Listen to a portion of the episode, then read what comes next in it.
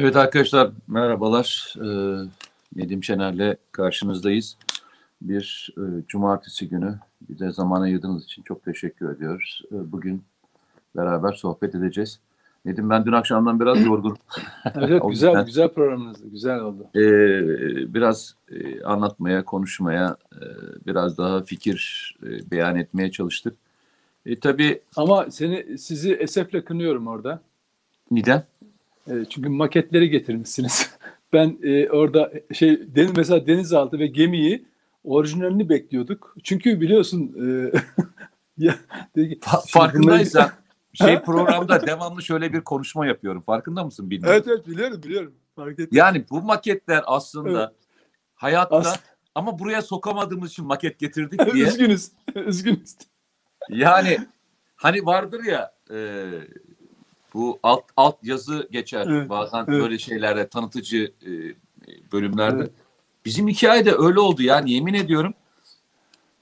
Bu e, bu tabloya ne diyorsun bilmiyorum ama e, yapacak çok da fazla bir şey yok. Yok yok ya şey e, oradaki şeyleri tabii e, maketleri görünce e, yapa yapa maket mi yaptınız? İşte oyuncakları getirmişler stüdyoya falan filan diye. Aynen. Mavra yaparlar. Neyse, yani neyse ki görüntüler arkada görüntüleri e, koyduk hatırlarsa. O evet, görüntülerde evet. gerçeklerinin hani orijinalleri evet. var. hani yapacak çok fazla bir şey yok. yok. Adamlara şeyi getirsen Mete gemiyi soksan stüdyoya rengi güzel değil ya da bu olmamış derler. Ya Neyse. çok ilginçtir. E, o tip insanlar e, var ve gerçek biliyor musun? Yani şey falan değil.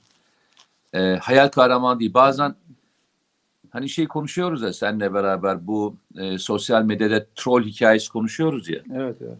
İnan e, troll falan değiller biliyor musun? Yani gerçek hayatın trolleri gerçek diyorum ben bu insanlara. Tabii. Bak gerçek hayatın trolleri. Ama kendilerini trollüyorlar.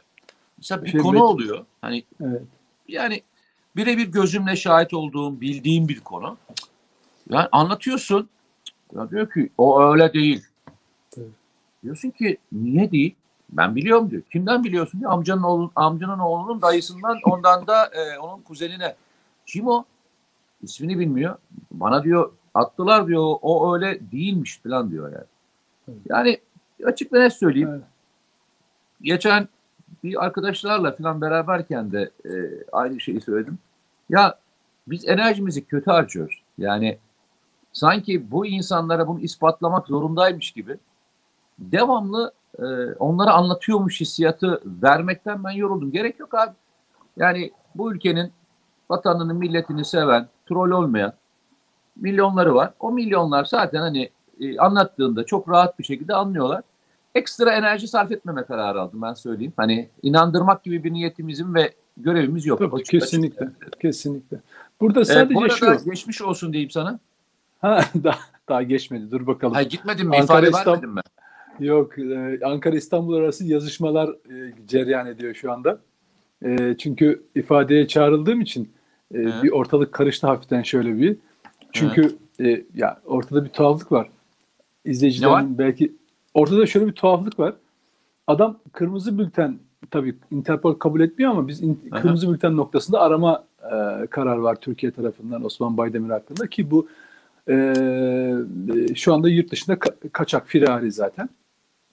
Şimdi izleyiciler için çok kısa bir tekrar edeyim mi? Ne, neden bahsettiğinizi? Valla Belki... ben çok memnun olurum. Yani bu şimdi evet. bazı arkadaşlar şöyle diyebilirler. Ya arkadaş şahsi sorun mu? Hayır arkadaşlar inanın bu Nedim'in sorunu değil. Bunun gibi onlarca evet. örnek var. Yani FETÖ kaçmış herif e, Tabii. E, ve adam Türkiye'de hala dava açıyor ve dava dava yüzünden mahkemelik olan hatta ceza alan insanlar var biliyor musun? Tabii tabii kesinlikle. Ya yani adama, terör. Adama evet. mesela terörist demişsin. Evet. E, adam e, terörist e, hani yani devlet öyle arıyor onu. Evet. Diyorsun ki adam ceza veriyorlar ya. Tabii aynen öyle. Aynen. Yani şöyle e, izleyicilere konuyu anlatayım. Bu PKK'nın e, sözcüsü olan Diyarbakır e, eski belediye başkanı ki gerçek bir e, iliklerine kadar şeydir yani PKK e, dokusundandır. Yani onun dışında çıkamaz. Ruhu odur yani. Teröristlerle işbirliği içindedir sürekli. HDP milletvekili Urfa'dan da zamanında yapmış. Zaten meclisteki konuşmalarını hatırlayacaksınız. Adam bildiğin PKK'lı yani başka hiçbir şey değil. Ve bu adam ama milletvekili değil mi? Ama milletvekili. Tabii, idi. Evet, idi. Hayır, fark etmez. Tabii tabii tabii tabii. Yani evet, milletvekili e, haklarından yararlanıyor. Doğru. Doğru. Yani maaşını alıyordur. Tabii, Muhtemelen tabii, tabii. E, kırmızı pasaportu vardır. Bu, muhtemelen onda da kaçmıştır yani. Kaçarken ya çok ilginç değil mi? Ben, ben de bunu anlamıyorum biliyor musun? Yani kırmızı pasaportu var hem de kırmızı pasaportla arıyoruz. Ben de bunu anlamıyorum biliyor musun? Kırmızı bültenle.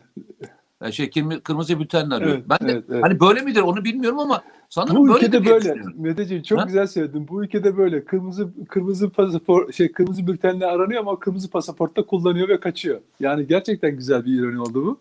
Bu ülkede olur bu.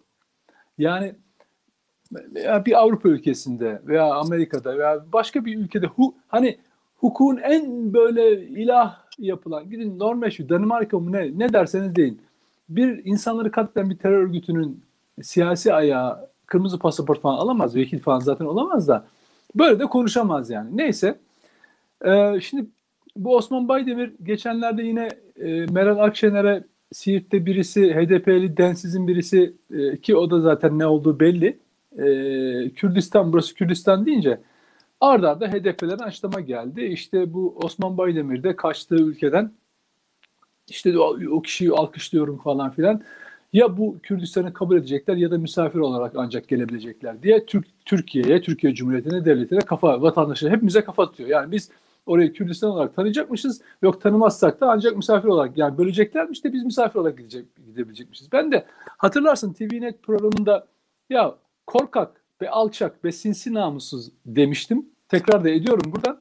Ee, Cengiz Er'in de başını yakayım. Dava açarsa burayı da süper haberi de mahkemeye vermiş. Ya sen bayağı top... Niye TVNet'e de mi açmış? E tabii e, şimdi hakaret davası olunca onu da herhalde eklemiştir. O, o kısmını ben bilmiyorum. Benim kısmımla ilgili kısmını. Ya yani sen ben... topluca hep e, herkesin içine paket program yapıyorsun. Ne yapıyorsun? Tabii, halay, Anlamadım şey, ki. halay başı yapacağız. Halay başı. Hayır ne hayır. Gerek yok. Senin mahkemene gelirdik zaten. Hani, Olsun. hani niye bunun için beraber. özel çağırmana gerek kürsüde, yok. Yargılanırsak beraber kürsüde. Halay başı ya, yapacağız. Ya, ya sen gerçekten sen baya tehlikeli bir adam oldun çıktın. Şimdi, o yüzden Cengiz, Cengiz'e falan Gizem, Cem, şey, Cem kim varsa yürüyün diyeceğim. Mahkemeye gideriz. Neyse şimdi bu alçağı ben alçak demişim. Demişim yani. Çünkü alçak adam. Ondan sonra bu da gitmiş şeye dilekçe vermiş. Bak sana ilginç komik bir kısmını anlatacağım. Ben bir bu bir yazımı aktarırken yazımda aktarırken Bakırköy Cumhuriyet Savcılığı tarafından ifadeye çağrıldığımı söylemiştim. Evet doğru karakola yazı yazmış. O şekilde çağrıldım. Ancak soruşturmayı açan Ankara'daki Cumhuriyet Savcısıymış. Oradan e, beni e, bilgilendirdiler. Dediler ki bu bizim soruşturmamız değil. Ankara'nın verdiği Ankara'da bir savcı var. Bu savcı kimse artık e, talimat yazıyor. Nedim şeylerin ifadesini alın. Şimdi ilginç olan şu. Osman Baydemir bu dilekçesinde kendini insan hakları savunucusu falan filan diye palavralar sıkıyor. İşte benim yazdığım, benim söylediğim ifadelere yer veriyor. Derken TCK 125'e göre işte e, 6 aydan 2 yıla kadar alt sınırı bir yıldan aşağı almak üzere cezalandırmamı istiyor falan filan. Bir de güzel bir şey yapmış. Bu dilekçesinde ismini yazdıktan sonra avukatının e, tabii veriyor, avukat aracılığıyla veriyor.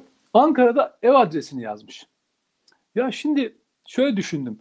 Ben savcı olsam Osman Baydemir adıyla bir dilekçe gelse adam da Ankara'da adres belirtiyor. Ya bu adam yurt dışına kaçak değil miydi? Ben bunun şu adresine bir polis göndereyim. Hatta kendi görevi değilse de terörle ilgili savcıya ben bunu ileteyim.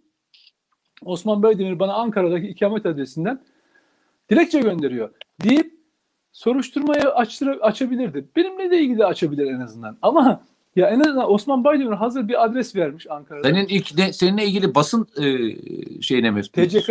TCK. Ha? Türk Ceza Kanunu 125. Ya hayır basın savcısına mı bildiriyor seni?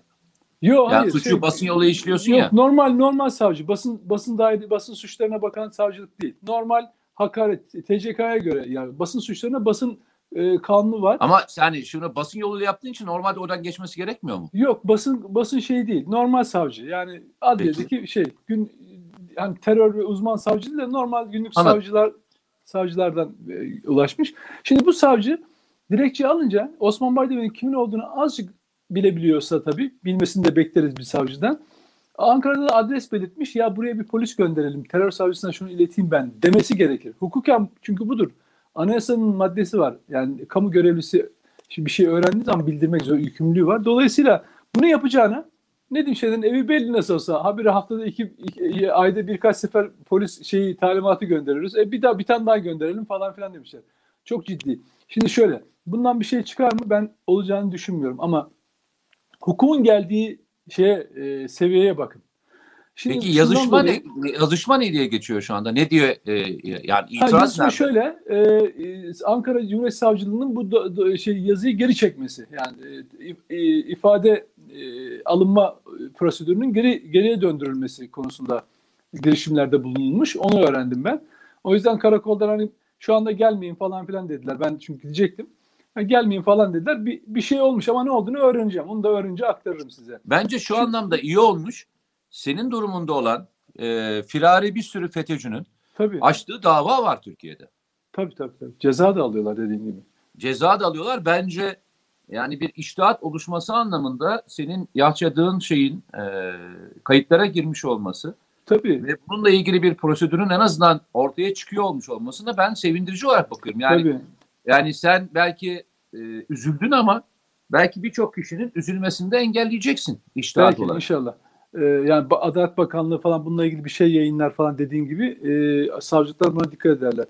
Ee, burada mesele şey e, aslında hani Osman Baydemir tek başına şikayet etse belki üzerine bu kadar durmayacağım da bu HDP'nin yani PKK'nın siyasi kolu HDP'ler son zamanlarda bu Kürdistan lafını çok fazla etmeye başladılar farkındaysanız. Ben bunları derleyen bir şey haline getirmek istedim. Yazımı o hale getirmek istedim. Yoksa tek başına beni şikayet ettiler. Şöyle oldu böyle oldu. Bu çok bireyselleştirmiş olursunuz. Ama korkunç olan şu bak ben mesela yazımda şunu anlattım anayasaya bağlılık konusunda devletin ve milletin bölünmez bütünlüğü üzerine namus ve şeref ve bağlılık yemini eden, namusu ve şerefiyle bu milletvekilleri yemin ediyorlar. Fakat çıkıyor meclis kürsüsünden Kürdistan diyor ya da kongresinde Kürdistan diyor ya da böyle konuşuyorlar. Demek ki biz şunu anlıyoruz. Bu adamların namus ve şerefi yok. Yani HDP milletvekillerinin Kürdistan kelimesini kullanan. Biz onu yine evet, öyle söylemeyelim istersen. Aynen böyle. Bak Meteciğim yok, ben, öyle, ben öyle söyleyeceğim. Yok. Bunların namus ve şerefi yok. Ya Neden öyle söylemeyelim istersen. Bak namus ve şerefi olan e, onun gereğini yerine getirir. Eğer ben koskoca bir Türk milletinin önünde bütün e, meclis çatısı altında namus ve şeref sözü veriyorsam anayasa bağlılık konusunda milletin e, şey konusunda bir adım beni Mete bak çünkü biliyor musun ondan daha büyük bir yemin yok ya ülkede. Bu ülkede ondan daha büyük yemin yok. Vatana millete bağlılık konusunda namus ve şeref sözü. Çünkü senin birçok yasada dokunulmazlığın var. Birçok konuda imtiyazın var milletvekili olarak. Ama seni bir Allah var, bir millet var, bir senin vicdanın var tamam mı? Meclis kürsüsündesin. Seni bağlayan hiçbir şey yok. Allah'tan korkmuyorsan, eğer bu milletten utanmıyorsan namus ve şerefine bağlılık konusunda kendinden utanacaksın. Bir milletvekilini üç tane şey bağlar. Allah'a inanmazsan da ya milletin önündesin, vicdanın var, duygun var tamam mı? Buna bağlılık konusunda sadık kalamıyorsun ve sen çıkıyorsun Kürdistan lafları ediyorsun. Dolayısıyla ben bunları birleştiren bir yazı yazdım. Ama şey hasıl oldu. E, insanlarda bir duyarlılık hasıl oldu. Hep konuşuyoruz ya Mete. Bunlara kulağımızı alıştırıyorlar. Kulak alıştıktan sonra bu bizim içimize işlemeye başlıyor. Bu milletin içine işlemeye başlıyor ve ondan sonra çok olağanlaşıyor tamam mı? Karşına geçiyor adam. Her türlü rezilliği, her türlü e, ne bileyim dejenerasyonu e, sana kabul ettiriyor ve sen tepkisiz hale geliyorsun. Bugün konuştuğumuz birçok konuda olduğu gibi. O yüzden ben teşekkür ediyorum izleyenlere, okuyanlara, destek olanlara. Ee, ve ya işimiz o, o e, işimiz kolay değil yani. Tabii, tabii. E, geçen gün seninle beraber olduğumuz programda da hani hatırlarsan e, evet. e, konuşuyoruz, yapıyoruz. E, bunlar yabancı basında yer alıyor, görüntülerimizde yer alıyor, onların televizyonlarında yer alıyor. Yani onlarca hedefteyiz ama ben her zaman şunu söyleyeyim. Her zaman sen de aynısını söylüyorsun, biz de söylüyoruz. Mevzu şu. E, biz barış e, etrafımızda bir barış halkasının olduğu, bölücülüğün hiç olmadığı, FETÖ gibi kripto operaların olmadığı bir ülkede yaşamıyoruz. Keşke yaşasaydık biz de işimizde gücümüzde başka şeylerle uğraşsaydık. Bu tür mevzulara girmeseydik. Dün akşam e, programda konuşuyoruz e, Sayın Kotil'le. Kotil'le diyorum. Allah bizi yandı. E, Sayın İsmail Demir'le konuşuyoruz. Birçok şeye girdik böyle ayrıntılara girdik. Ayrıntılar içerisinde geçmişte yaşananlar, şimdiki yaşananları falan böyle konuşmaya çalışıyoruz. Tabii birçok şeye vakıf. Yani e, bizim bilmediğimiz birçok ayrıntıyı biliyor, birçok detayı biliyor. Yani e, bu detayların içerisinde ihanetleri de biliyor. Yani neler yaşandığını da çok net olarak görmüş, yaşamış. E, bunlarla mücadele ederek gelmişler.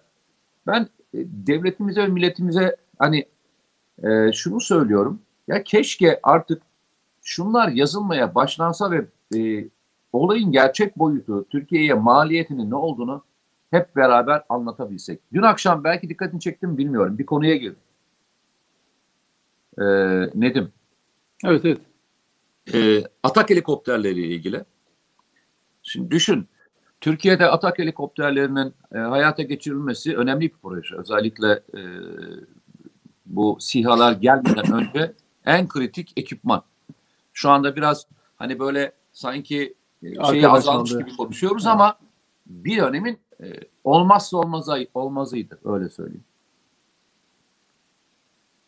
Dün anlatırken dedi ki ya çok ilginç bir dönem yaşadık. E, 30 küsür tane mi 60 küsür tane şey çıkarttılar bize dedi. E, işte bunlar bunlar bunlar bunlar bunlar eksik bunlar olmadan alamayız falan diye.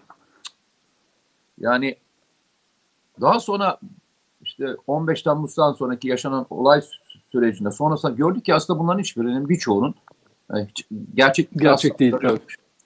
Yani e, baltalamanın e, bu ülkenin insanının ve şöyle düşün e, Nedim hani biz diyoruz ya 15 Temmuz'u konuşurken e, işte sivil halkın üzerine ateş ettiler falan diye.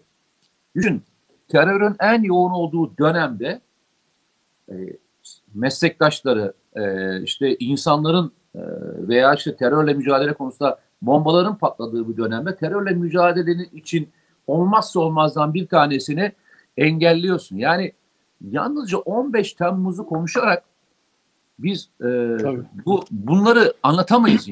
yani e, asıl anlatmamız gerekenlerden bir tanesi ben ona da dün akşam böyle üstüne basa basa sormaya çalıştım. Ne oldu dedim 2016'dan sonra da Türkiye atağa kalktı. Hani Aselsan o zaman da vardı. TUSAŞ o zaman da vardı. O zaman da teknoloji şirketleri vardı. Ne oldu da 2016'dan sonra Tabii. fırladık. Fırladık resmen fırladık yani füze gibi gidiyoruz. Yani bu mevzuları topluma 15 Temmuz'dan anlattığımızda bir geceyle anlaşılmıyor. Süreci Aynen. anlattığımızda bence ihanetin e, boyutu ve büyüklüğü anlaşılıyor. Tabii. Orada askerler şehit oluyor. Yani sen diyorsun ya yemin ettiler diyorsun. Tabii. Biz de bir yeminle geldik. Bizim yeminimiz daha da büyük. Tabii. Biz e, sonunda yeminimizin sonunda seve seve can vermeye diye yemin ediyoruz. Yani canımızı vermek üzere yemin ediyoruz. Sen canını vermek üzere yemin ettiğin bir yerde kendi arkadaşlarının, silah arkadaşlarının şehit olabilmesini engelleyecek vasıtanın girmesini engelliyorsun. Aynen. İhanetin büyüklüğü o kadar büyük ki. Evet. O kadar büyük ki Nedim. Evet. Yani evet. E, şey anlattınız ya. Kahroluyorsun. E, evet evet. Yani orada e, kaçtı saat işte gece hani 12 geçmişti o sırada e, yabancıların yabancıların e, nasıl girişimlerde bulunup engellemeye çalıştığına dair böyle İsmail Bey sanki hani sen diyorsun ya yaz e, yazsalar yazılsa falan Yok, filan. İsmail sanki söyleyecek çok yani, şey var da çok böyle, şey var.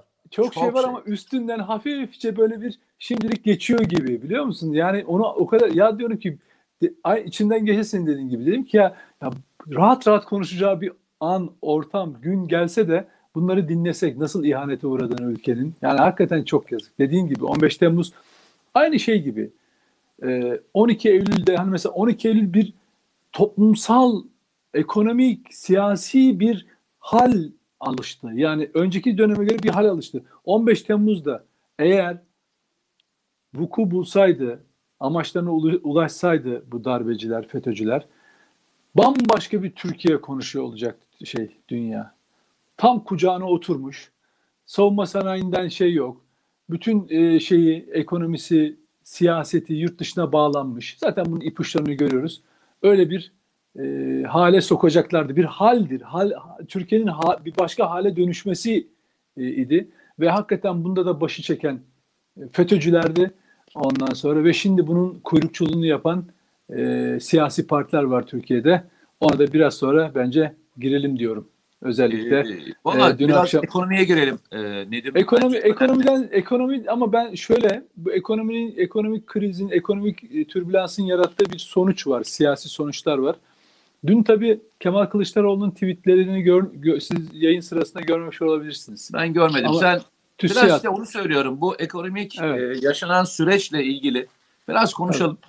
Tabii. E, ben şey için sevindim. E, devletin asgari ücretten vergi almaması ve damga vergisini kaldırması ve e, bu sayede devletin de fedakarlığıyla 4 bin liranın üzerine çıkmış olması, 4250 liranın üzerine çıkmış olmasının en azından geçici olsa bile bir e, rahatlama sağlayacağı için mutluyum. E, e, yani de, devletin de bütün bu konudaki diğer evet.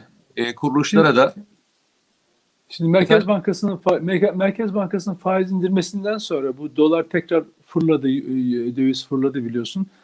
17 işte ve 20 şeyine geldi, rakamlarına falan ulaştı. Bu tabii ciddi bir kaygı, belirsizlik yaratıyor. İnsanlar onu konuşuyorlar. Senin örnek verdiğin asgari ücretin yarattığı etki bile onun arkasında kal, kalıverdi bir anda. Bir gün içinde oldu bunlar. Yüzde beş civarında bir şey oyna, oynaklıktan bahsediyoruz. Bunları, bunlar bu oynaklıklar bir yere oturur oturmaz ama süreci takip etmek gerekiyor. Önemli. E, çünkü bunun enflasyonist e, etkileri karşımıza çıkacaktır ileriki günlerde. Dolayısıyla hani onu, o süreci izlemek lazım. Kötü olan şey şu. Yani kötü olan demeyelim de şaşırtıcı olan şey şu. E, bu türbülans, bu ek, şeyde hareketlenme sırasında e, ana muhalefet partisi genel başkanı Kemal Kılıçdaroğlu'nun işte TÜSİAD'ı aradım diye tweet atması ya onunla başlaması. TÜSİAD'ı aradım. Ee, işte bu yaşanan dalgalanmış şeye karşı, ekonomik krize karşı ülke ekonomisi gidiyor. Siz de sesini çıkarın, bilmem ne yapın falan filan diye böyle bir tweet atması.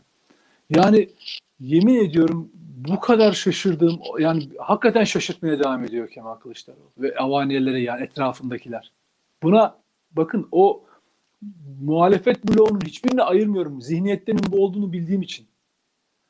Yani zamanında başka kuvvetleri göreve çağıranlar, başkalarından medet umanlar, hmm, bu ülkede şunlar var, olmazsa Amerika var, hmm, Avrupa Birliği izin vermezciler falan filan var ya o vesayet dedikleri. Hakikaten o onunla yaşamayı şey gibi e, böyle hani çocukların yürüme araçları, yürüteçleri vardır ya içine koyarsın o tekerlekli araç e, şey tekerlekli sandalye seni yürütür çocuğun ayaklarını. Çocuk yürüyor gibi zanneder kendini. Evet yürüyordur hafifçe falan ama yere tam basmıyordur. Kendi ayakları üzerine duramaz.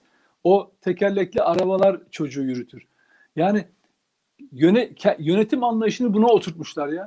Yani ve diyor ki TÜSİAD aradım bu konuda bilmem ne yapın falan. Ya birkaç saat sonra TÜSİAD Başkanı nasıl paniğe kapılmışsa adam şöyle bir tweet atıyor. Telefonda da söylediğim gibi diye bak. Şimdi Kılıçdaroğlu'nun yaptığı açıklamada TÜSİAD'la konuşmasını çarpıtabileceği ihtimaline karşı TÜSİAD Başkanı diyor ki telefonda da söylediğim gibi biz işte bu konuda yaptığımız e, şeyleri e, sa, e, görüşlerimizi ilgili kurumlarla ve toplumla paylaşmaya devam edeceğiz. Yani senin dediğin şey yapmayacağız. Biz yine bildiğimiz gibi e, kamuoyuna açıklamalarda e, bulunarak bu işi yürüteceğiz. Onun için Kılıçdaroğlu'nun derdi şey şu. Siyaseten bir hareket yaratmaya çalışıyor. Bir toplumsal. İşte Mersin'de mitik yaptı. Bir şey yaratmaya çalışıyor. Bakıyor oradan gelmiyor. E çıkıyor e, TÜİK'i basıyor. Oradan bir şey olmuyor. Bir, bir hareket yaratmaya çalışıyor tamam mı? Ya yakışmıyor kardeşim yakışmıyor. Bak bu TÜSİAD'dan medet ummak bir CHP genel başkanı için o kadar acı, o kadar tarihi ve acı bir noktadır ki Mete.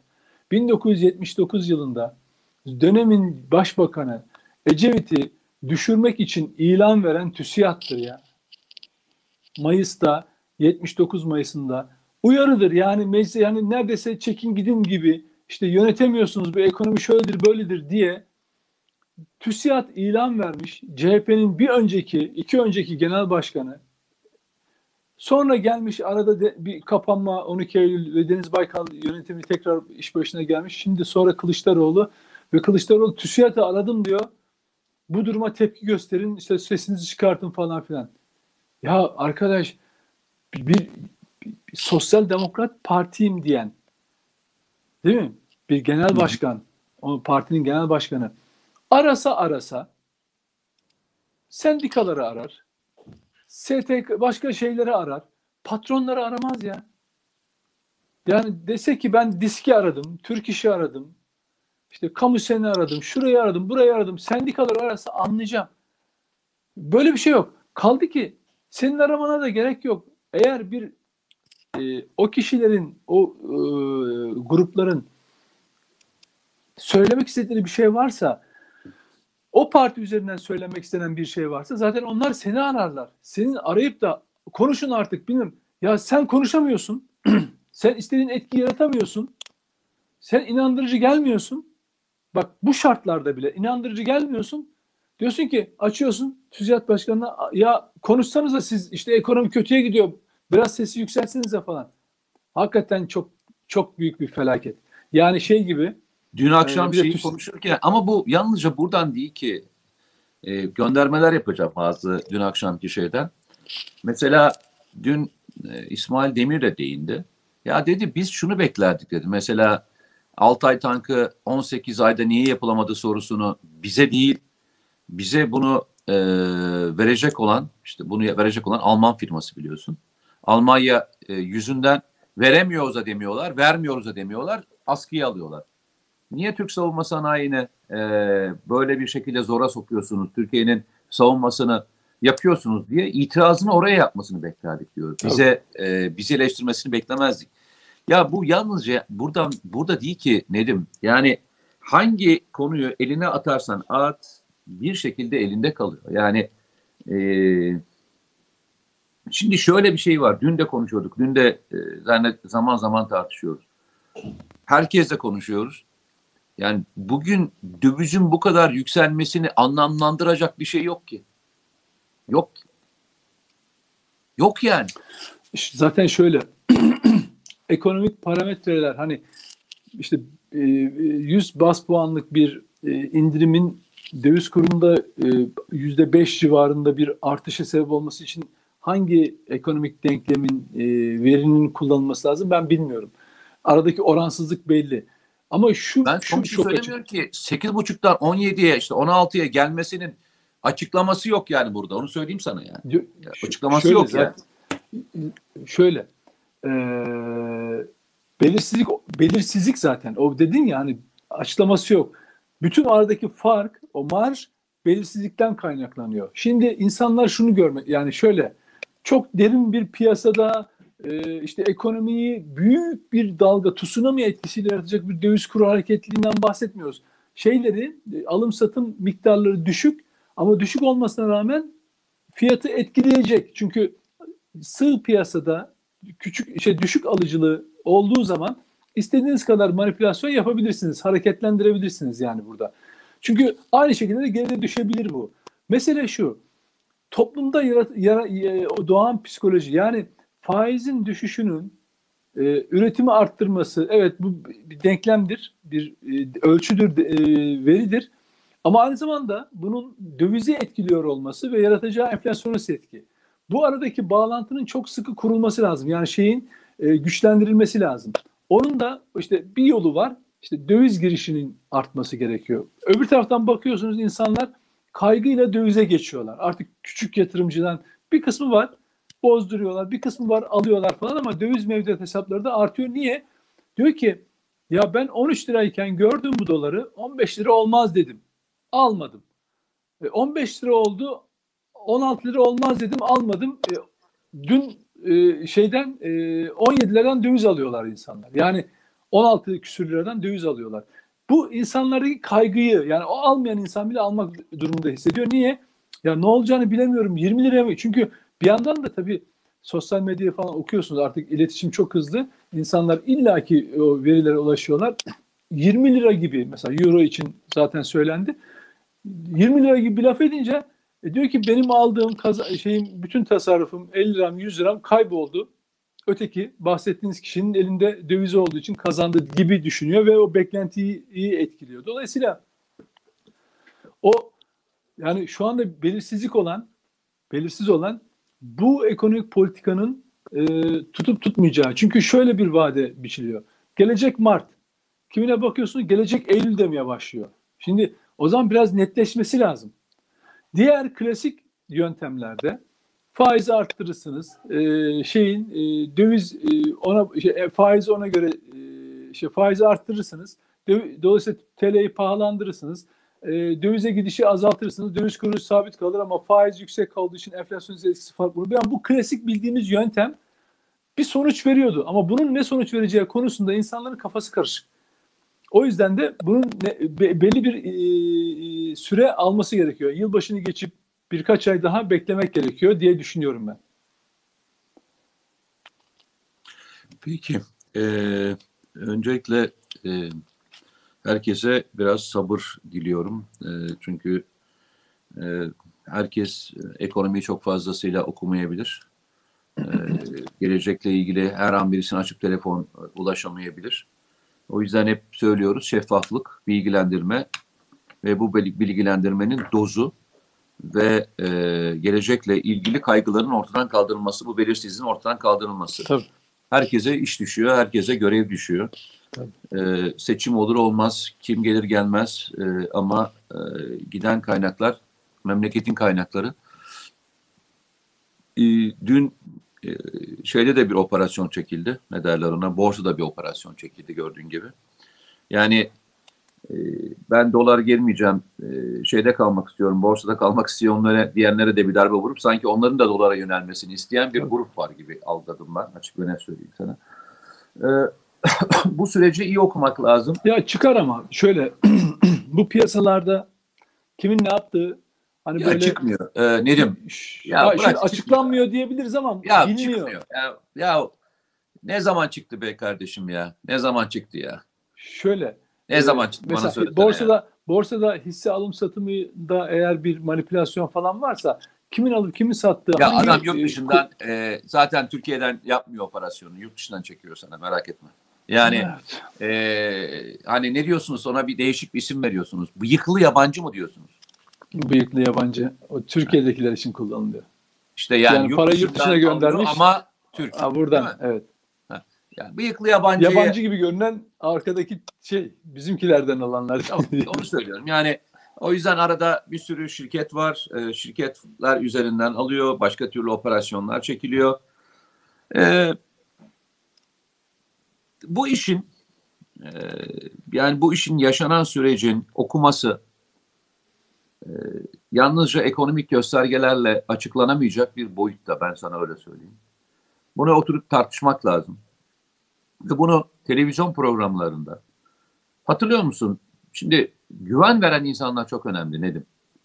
Ee, bir öncekinde e, o hani 6 liradan 9 liraya çıktı sonra tekrar 6 liraya dönen bir süreç vardı. Yüzde 50'lik bir artış olduğu evet. dönem. İş Bankası Başkanı bir televizyon kanalına çıkıp bir konuşma yapmıştı. Hatırlıyor musun? Tabii. Çok düzgün bir e, genel müdürdü. Ve konuşması içerisinde şunu söyledi. Dedi ki yani bunun bir mantıklı açıklaması yok. Türkiye'deki hiçbir gösterge yani 6 liradan 9 liraya çıkmasını e, gerektirecek bir ifadesi yok. Artı hani olması gereken de 6 civarı. Hatırlıyor musun? Hı hı. Şimdi Türkiye'de bugünlerde bu aklı selim insanların televizyon programlarına çıkması gerekiyor. Yani zaten herkesin tarafı var. Herkes o tarafı dinlediği için onun söylediğini çok da fazla bir anlam ifade etmiyor. Aklı selim insanların çıkıp düzgün bir program yapılıp bu televizyon programında göstergeler içinde nelerin olduğu ve neyin olmadığı konusunun düzgünce tartışılması. Yani ideolojik bir tabandan çıkıp ne oluyor, ne yapılması gerektiğini tartışılması gerektiğini düşünüyorum ben. Yani buna ihtiyaç var şu anda. Yani böyle bir programa ihtiyaç var.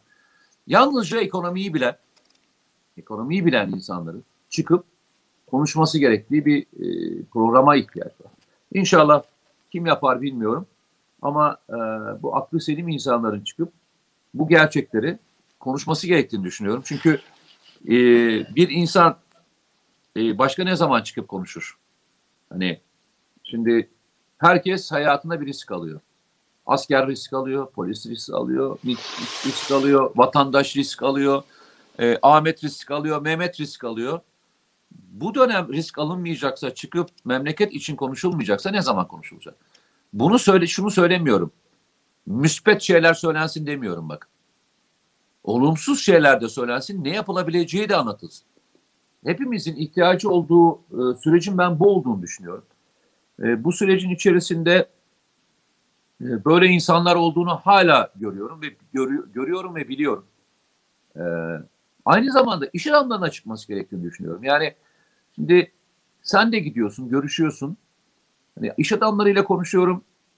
E, müspet bir sürü şey söylüyorlar. Ya diyorum ki arkadaşlar yani Türkiye'deki sanayinin geldiği yer neresiyse o zaman çıkın bunu da söyleyin yani.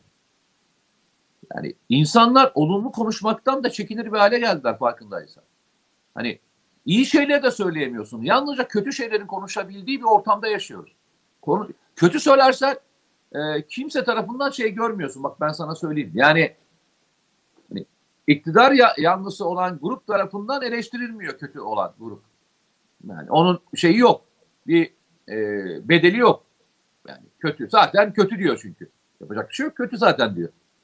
Ama iyi bir şeyi anlatıp ya kardeşim bunun bu açıklamasının içerisinde burada bir eksiklik var. Burada bir yanlış var dediğin andan itibaren çat çat çat çat çat çat çat böyle şey yapıyorsun. Doğranıyor adam. Doğru mu? Şimdi herkes Aynen, senin gibi, doğru. herkes senin gibi alışık değil Nedim.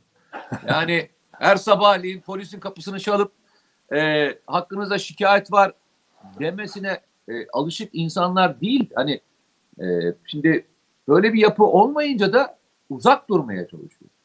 Ya arkadaşlar gelin e, bu dönemde aklı selim olarak hep beraber konuşalım. Bunun partiler üstü olduğu bir konu olduğunu e, lütfen zaten farkınızdanız, farkınızdasınızdır. Lütfen e, bu çıkışlarınızı e, bu şekilde de yapın.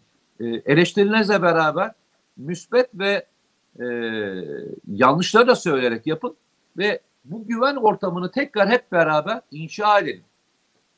Yani bu güven ortamının inşasında herkesin burada bir harcı olsun ve yıllar geçtikten sonra da ya kardeşim ya bir şey anlatıldığında bak demin ne güzel e, anlattım adamı ya şeyle yad ettim. iyilikle İş Bankası Genel Müdürü'nü. Dedim ki yani helal olsun çıktı ve o gün e, söylenmesi gereken her şeyi söyledi.